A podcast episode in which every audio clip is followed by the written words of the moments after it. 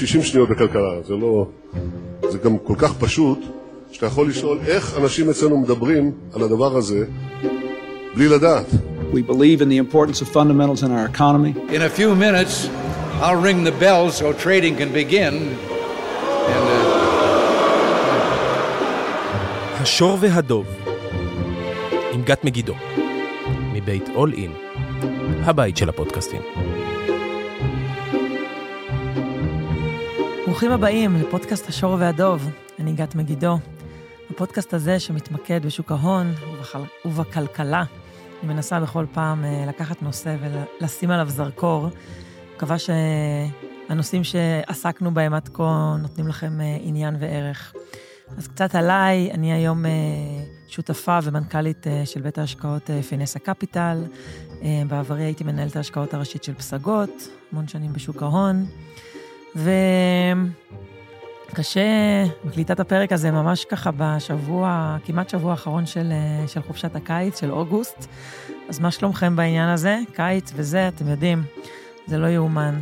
אנחנו לא נסענו באוגוסט לחו"ל, באופן אישי, לא כל כך אוהבת לנסוע עם כולם, והכל צפוף.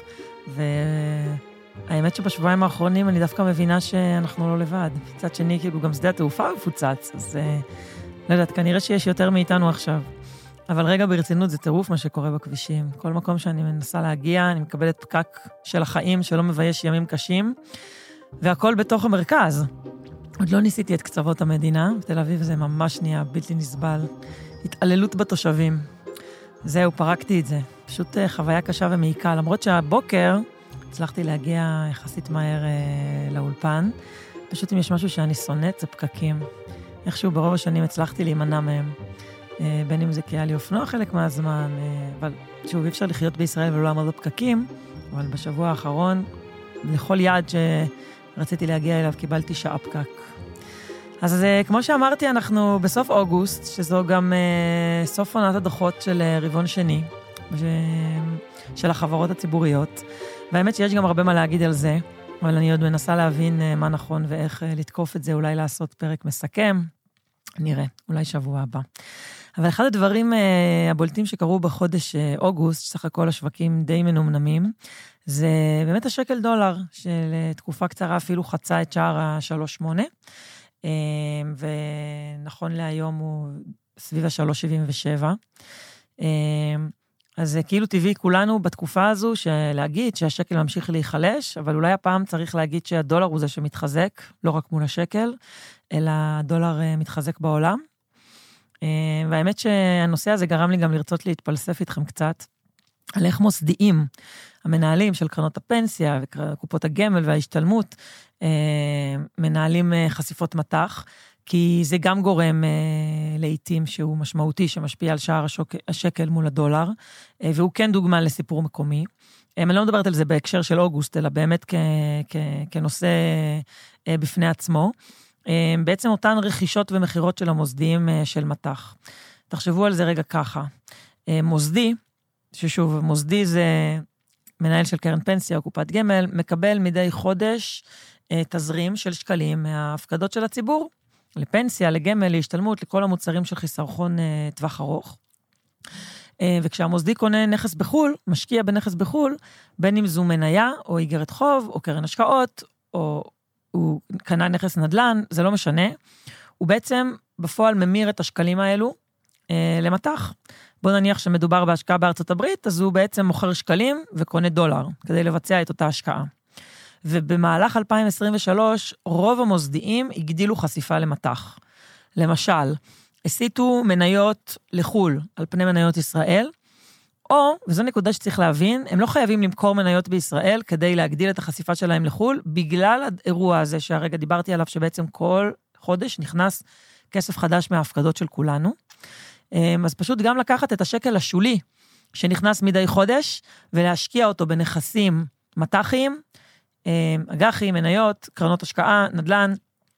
בפעולה הזו בעצם, בפועל, ברמת ה-100% של הפורטפוליו, אה, הם מגדילים את החשיפה אה, למטח בפורטפוליו השלם. אה, אז תחשבו על זה ככה.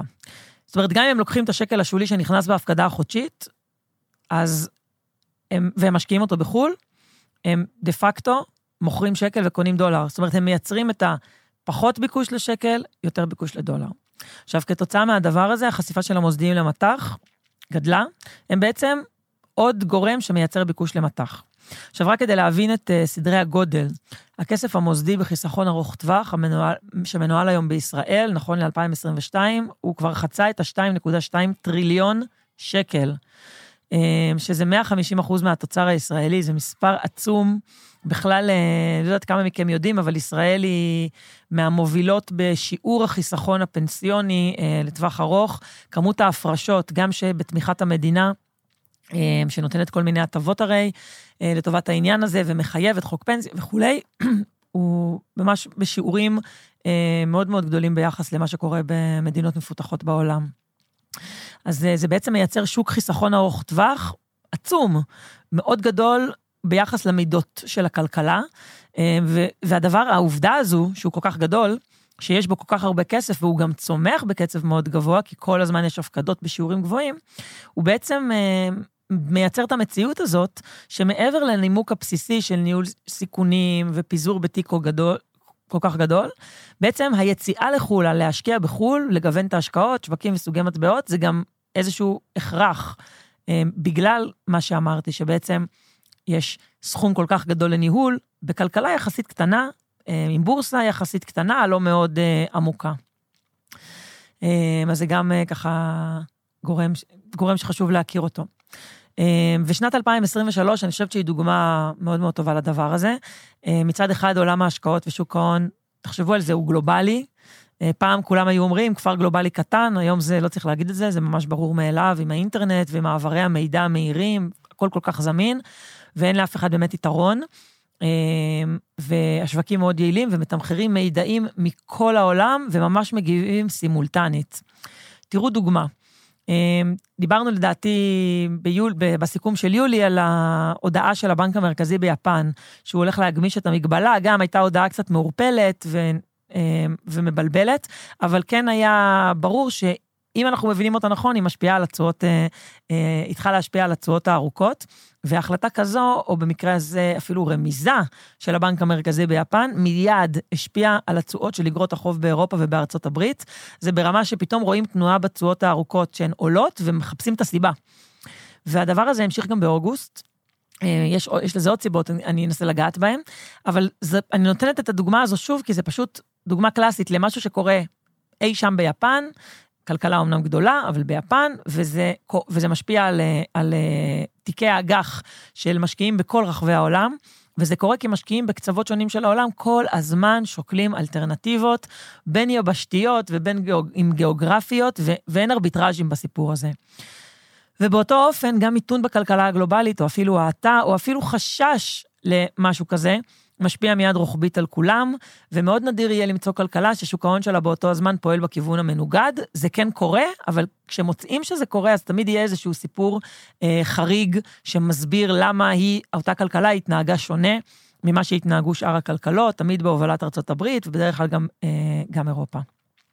אז בדיוק באותו אופן, גם השנה, אם תסתכלו על זה, השוק הישראלי הניב באמת את אותם ביצועי חסר שדיברנו עליהם לא מעט, אה, והיה גם אה, Outflow, יציאה מאוד גדולה של כסף, תמיד צריך לעקוב אחרי זרמי הכסף. בעצם השוק סבל מיציאה מסיבית של כספים החוצה, בגלל אותו סיפור אה, מיקרו-ישראלי שכולנו מכירים.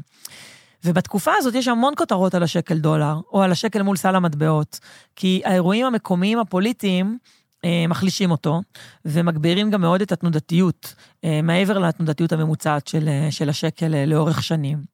ובמיוחד צריך לציין את זה, בגלל שהשקל בשנים הרבות האחרונות היה מאוד חזק. אחד החזקים אם לא ה, כמו שאומרים. והיו לזה גם המון סיבות uh, מבניות שתמכו בכך. שהביאו בין היתר את זה שבנק ישראל אפילו התערב בשוק המטח וקנה דולרים. לא שזה עזר לו יותר מדי לדעתי, אבל זה כבר נושא אחר שאני לא אכנס אליו עכשיו, והדעות כאן חלוקות. בעצם אם תסתכלו על השנים האחרונות שקדמו לשנה הזו, אתם תראו שהשקל היה מטבע חזק. אה, נכון שבקורונה היה איזשהו ספייק למעלה, אבל מיד אחריו אה, אותו flight to safety מאוד, אה, של תגובה מאוד אגרסיבית של שווקים, שיוצאים מסיכון ומחפשים נזילות ודולר, אבל באופן כללי, גם אחרי הספייק ההוא, הדולר חזר, השקל חזר להתחזק. וכמו שאמרתי, יש סיבות מבניות, כמו המבנה של החשבון השוטף בישראל, כל אותן עסקאות אקזיט בהייטק, היצוא ממאגרי הגז, פשוט עסקאות שמכניסות לתוך המשק הישראלי הרבה מאוד דולרים לאורך השנים. אמ, ובעצם גורמות לזה שהשקל יהיה מאוד חזק, לצד באמת אותה כלכלה חזקה ש, אמ, שאנחנו מכירים. ובנוסף לאלו, יש גם את הסיפור הזה של גידורים של מוסדיים על החשיפה של הפורטפוליו, אותם 2.2 טריליון, אה, שגם הם משפיעים, כי הם בעצם מייצרים, כמו שקצת אמר, הראיתי קודם, ביקוש והיצע לשקל או דולר, תלוי בכיוון. בעצם המוסדיים בשני העשורים האחרונים, באופן די עקבי, מגדילים את רכיב חו"ל בפורטפוליו. זה משהו שקורה, זו מגמה אה, של לצאת אה, לחו"ל, אה, כי באמת הבורסה המקומית, כמו שאמרתי, מוגבלת ודי קטנה על מידותיהם. אמ, ותמיד יש את העניין שזה נוח לנהל בשוק המקומי, כי אתה מכיר את החברות ואת בעלי השליטה, ואתה פוגש את המנכ"לים ואת סמנכ"לי הכספים, ומסתכל להם בלבן של העיניים, ונורא, ואתה גם חי במדינה שהרבה מהחברות פועלות, אז הכל הרבה הרבה יותר אה, אה, אה, אה, טריוויאלי. אבל כמו שאמרתי, זה, זה, לא מספ... זה, לא, זה לא מספיק בשביל התיק הגדול הזה, ולכן מגמה ארוכת שנים של עוד ועוד חשיפה לחו"ל, בין אם זה בלקנות אה, נדל"ן, בין אם זה בקרנות של תשתיות וקרנות חוב ושאר קרנות השקעה, וכמובן בנכסים השכירים שכולנו מכירים, השקעה באג"ח חו"ל והשקעה במניות אה, אה, בשווקים בחו"ל. עכשיו, אז מצד אחד אמרנו שהם מגדילים את רכיב חו"ל, אבל יש משהו ש... אולי הוא לא בהיר וטריוויאלי, ואני רוצה לחדד אותו. בעצם, כשהמוסדיים הולכים ומגדילים את התיק לחו"ל, ונניח שהוא היום בסביבות ה-50 אחוז, אוקיי? הם לא רוצים שגם לכפות על החוסכים, על העמיתים, חשיפה למטח מאוד מאוד גבוהה. זאת אומרת, הם רוצים את הנכס הזה, S&P 500, הם רוצים להשקיע בחוב של חברת כלשהי אמריקאית.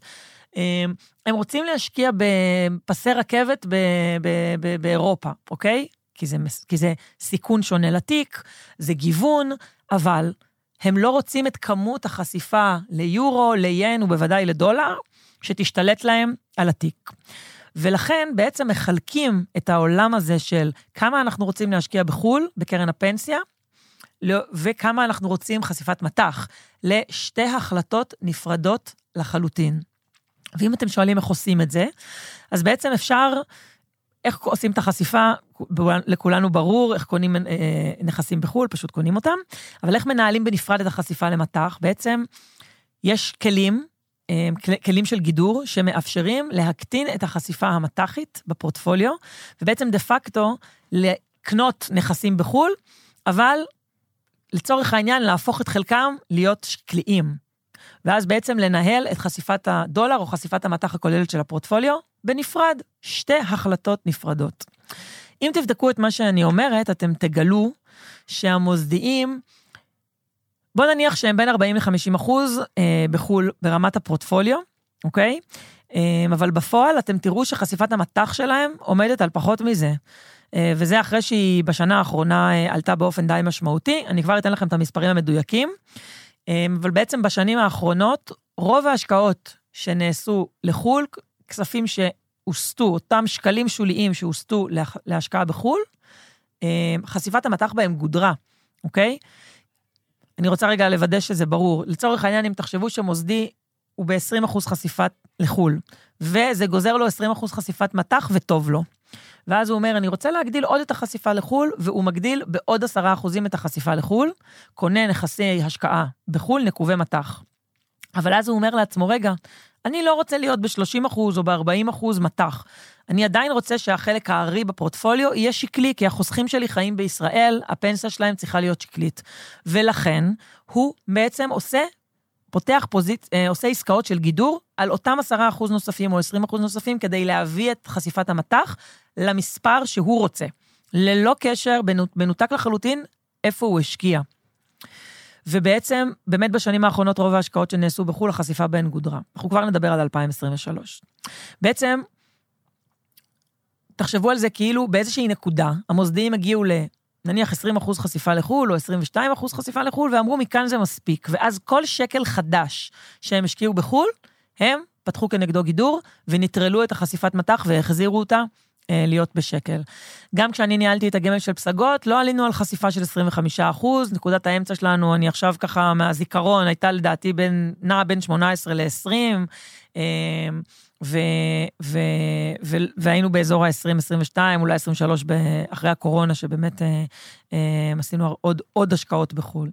אבל זה כן היה אחד מהגורמים שמייצרים לחץ על השער של הדולר מול השקל, אוקיי? כי כל פעם המוסדיים היו בעצם, אה, קוראים לזה, זה בעצם בדרך כלל נעשה באמצעות חוזה עתידי, ובחוזה עתידי, אם אתה רוצה לנטרל את החשיפה הדולרית, אתה בעצם אה, אה, מוכר עתידי דולר, וזה מייצר לחצים על שער הדולר, ובעצם מחזק את השקל.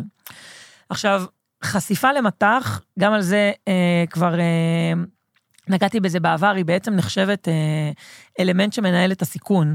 במיוחד בכלכלה הישראלית, או בכלכלות קטנות, זה מאוד מאוד בולט, הצורך לנהל את הסיכון. אם זה הסיכון הביטחוני כאן, דברים כמו התרחשויות של מלחמות. אני אפתח רגע סוגריים, תסתכלו 20 שנה אחורה על אירועים ביטחוניים, אתם תגלו שגם אם הם גורמים לשוק לרדת, הוא מאוד מהר עולה, וחודש, חודשיים אחרי זה הוא כבר יותר גבוה. אבל עדיין, אירועים כאלה, בטח הסלמות ביטחוניות, כל מיני אה, חששות להסלמות ביטחוניות, אה, בהחלט משקיעות, אה, משפיעות אה, על השקל. אגב, ולו בכך בזה שהן גם גורמות לזה שזרים, משקיעים זרים, לא רוצים לבוא לקנות פה אה, אה, חוב אה, בשקל.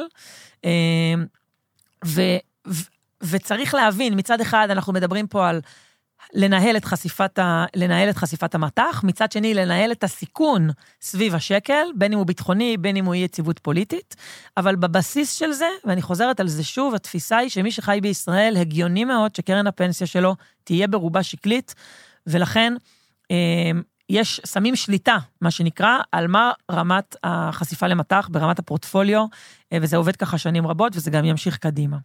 עכשיו, כל מי שמעביר את הכסף שלו, אני חייבת להגיד את זה ככה בהערת שוליים, אם כבר דיברתי על זה, אה, על, על המשמעות על זה, של, המשמעות הזו של לחיות בשקל, אבל להשקיע בנכסים שנותנים חשיפה מט"חית.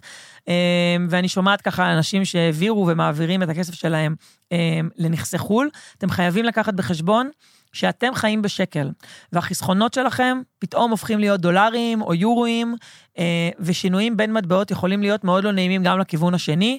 אה, השקל גם יכול פתאום להתחזק, וכל הצבעה שתעשו בחו"ל אפקטיבית אה, תתכווץ.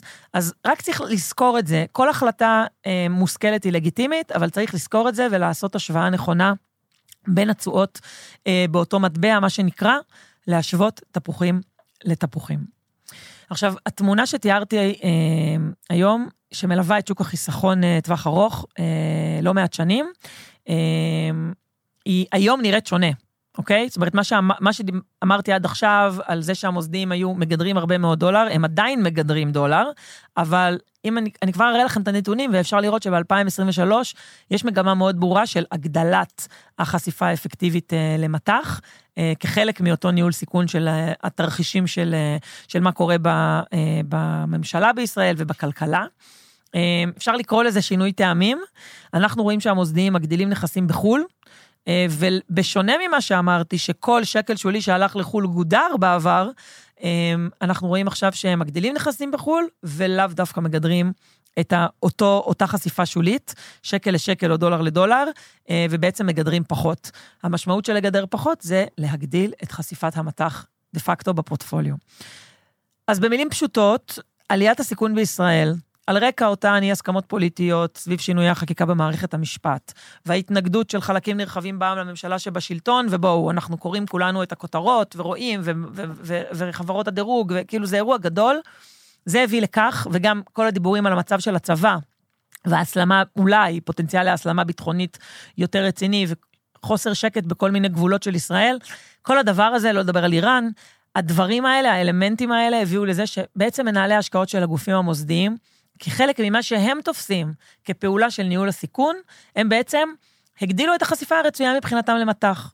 זו בעצם פעולה די טבעית עבור מנהל השקעות. אני חושבת, כמו שאמרתי, כבר דיברתי על זה בעבר, אבל בשורה התחתונה, מה שצריך ללמוד מזה, מהטעמים שלהם, מהניתוח שלהם, זה שמבחינתם, נוח להם עם להגדיל חשיפת מטח לאור המצב בישראל. אז הלכתי והסתכלתי בגמלנט, כולכם יכולים לעשות את זה, ציבורי וזמין, על החשיפה לדולר של גופים מוסדיים גדולים. אה, באמת, כל אחד יכול, גוגל, לכתוב גמלנט, למצוא את הקופה שלו ולהוציא נתונים. כן תיקחו בחשבון שזה לא מתעדכן בזמן אמת. אני, מה שחיפשתי זה בעצם מדיניות השקעות צפויה. אפשר לראות את זה.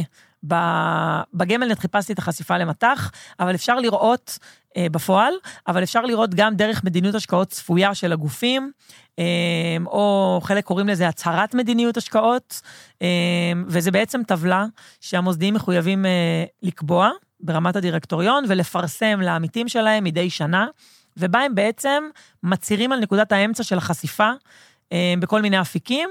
כמו שהם מעריכים שהם יהיו בה אה, בכל אחד מהאפיקים בשנה הקרובה. עכשיו, זה לא איזו התחייבות הסכמית, הם כמובן יכולים לשנות את ההערכות שלהם, וחשוב שאם הם, ההערכות שלהם ישתנו, הם גם אה, ישנו את, ה, את, את הפורטפוליו בהתאם. אה, אבל זו כן הערכה שנתית וזה כן נותן כיוון. מה שרואים בטבלה הזאת זה יש תמיד נקודת אמצע, נניח אפיק מניות, אפיק אג"ח, השקעות אלטרנטיביות, מט"ח, וכל אחד יש לו את החלוקה שלו בתוך הטבלה, יש כאלה שעושים את זה יותר מפורט, ובעצם יש נקודת אמצע. וטווח של פלוס מינוס חמש או פלוס מינוס שש, כמו שקבע הרגולטור, ואז אתה נניח אומר, אני אהיה 20 אחוז מטח, אז בעצם אתה אומר לעמיתים, אני אנוע בין רצועה של בין סתם 15 ל-25, אני לא זוכרת אם זה פלוס 5 או פלוס 6, על כל אחד מהאפיקים. אז uh, קצת ככה שייטתי לי וחיפשתי כדי לראות איפה נמצאים באמת הגופים היום, אלה שמעדכנים ואומרים איפה הם בפועל. Uh, וקפץ לי מור גמל, uh, שהם באמת כמעט כל uh, רבעון, uh, ממה שראיתי, מעלים, מעלים אקסל מעודכן. Uh, אז הם בתחילת 2023 קבעו, אני סתם נותנת אותם כדוגמה, הם קבעו uh, שהחשיפה למטח, נקודת אמצע, בהצהרת מדיניות השנתית שלהם תהיה 20 אחוז, ובפועל הם uh, על 25 עד 26 אחוז כרגע. Um, איפה הם התחילו את השנה? גם את זה קל לבדוק. פשוט מוציאים את הדוח הזה על ינואר.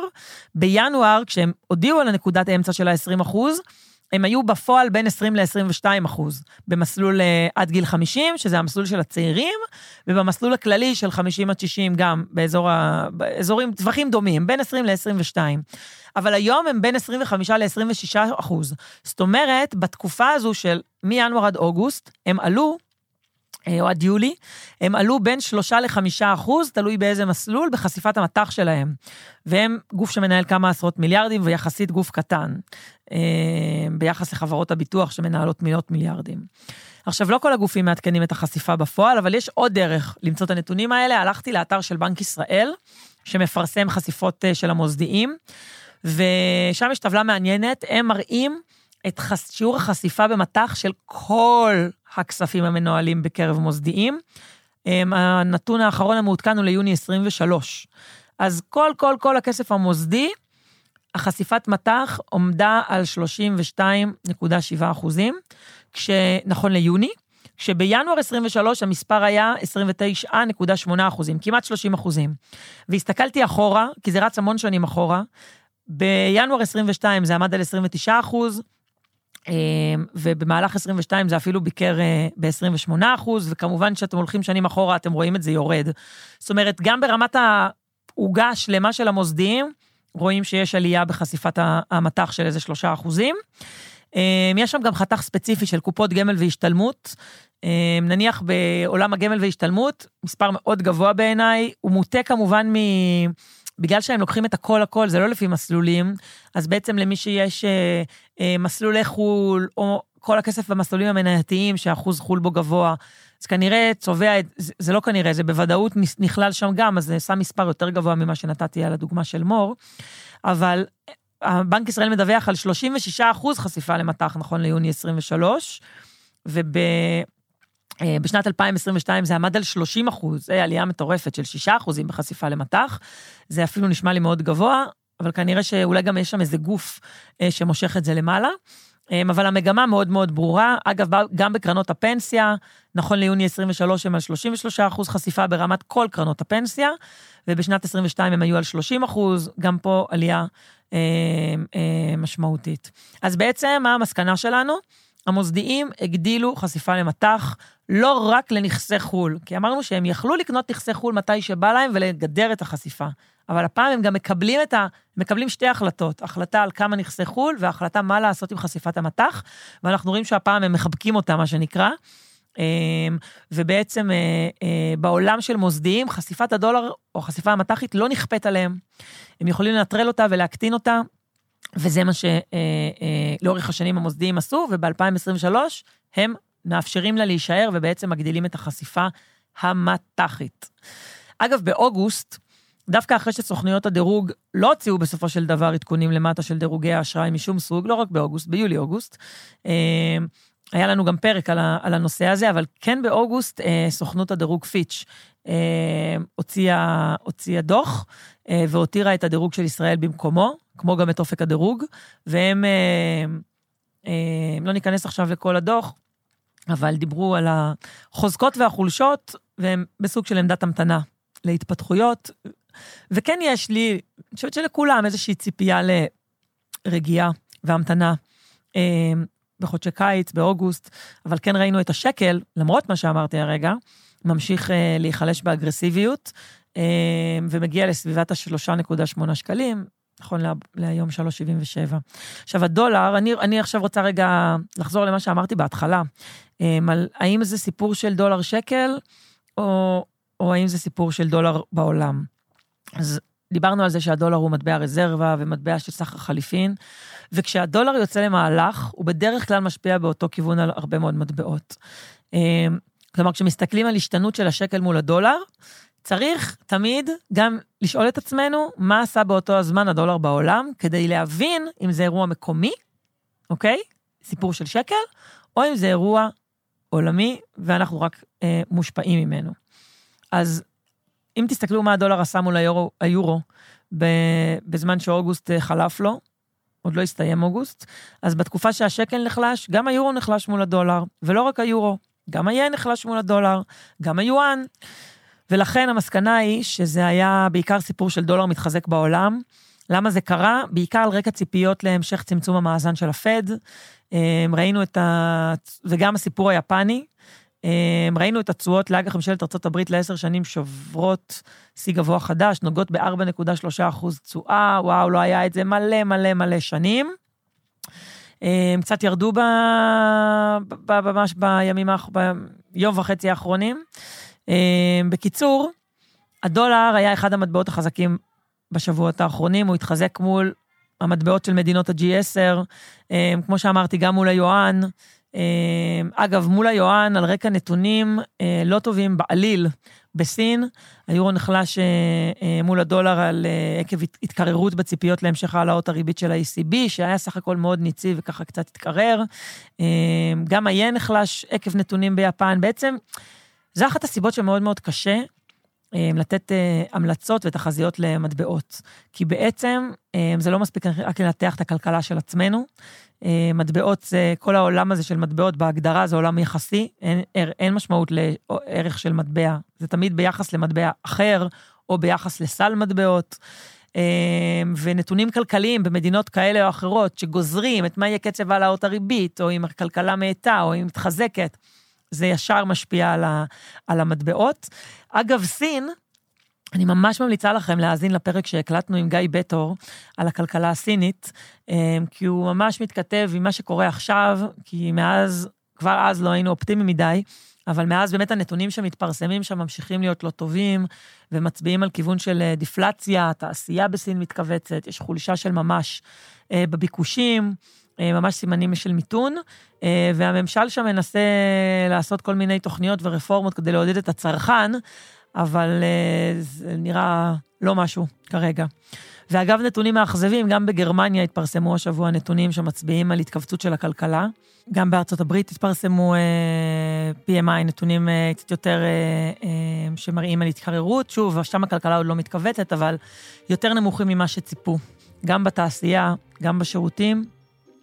זה מתחבר לזה, אגב, שכל הבנקים המרכזיים המובילים ואיתם גם בנק ישראל, מדברים על זה שבנקודה שהם נמצאים עכשיו, אה, נקודה מאוד מאוד אה, אה, לא בהירה מבחינתם, הם בעיקר עוקבים אחרי הנתונים הכלכליים, הם לא יוצאים בהצהרות, הם משאירים כל הזמן, מחזיקים את החבל משני הקצוות, כדי באמת לנסות דרך הנתונים הכלכליים להבין את ההשפעה של הריבית עד כה, איפה אנחנו נמצאים בסייקל הכלכלי, ומכאן גם להצליח לקבל החלטות מוניטריות טובות ככל האפשר.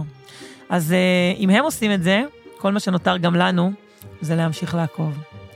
זהו, אנחנו סיימנו להיום. אני הייתי גת מגידו, תודה רבה שהאזנתם, ואנחנו ניפגש בפרק הבא.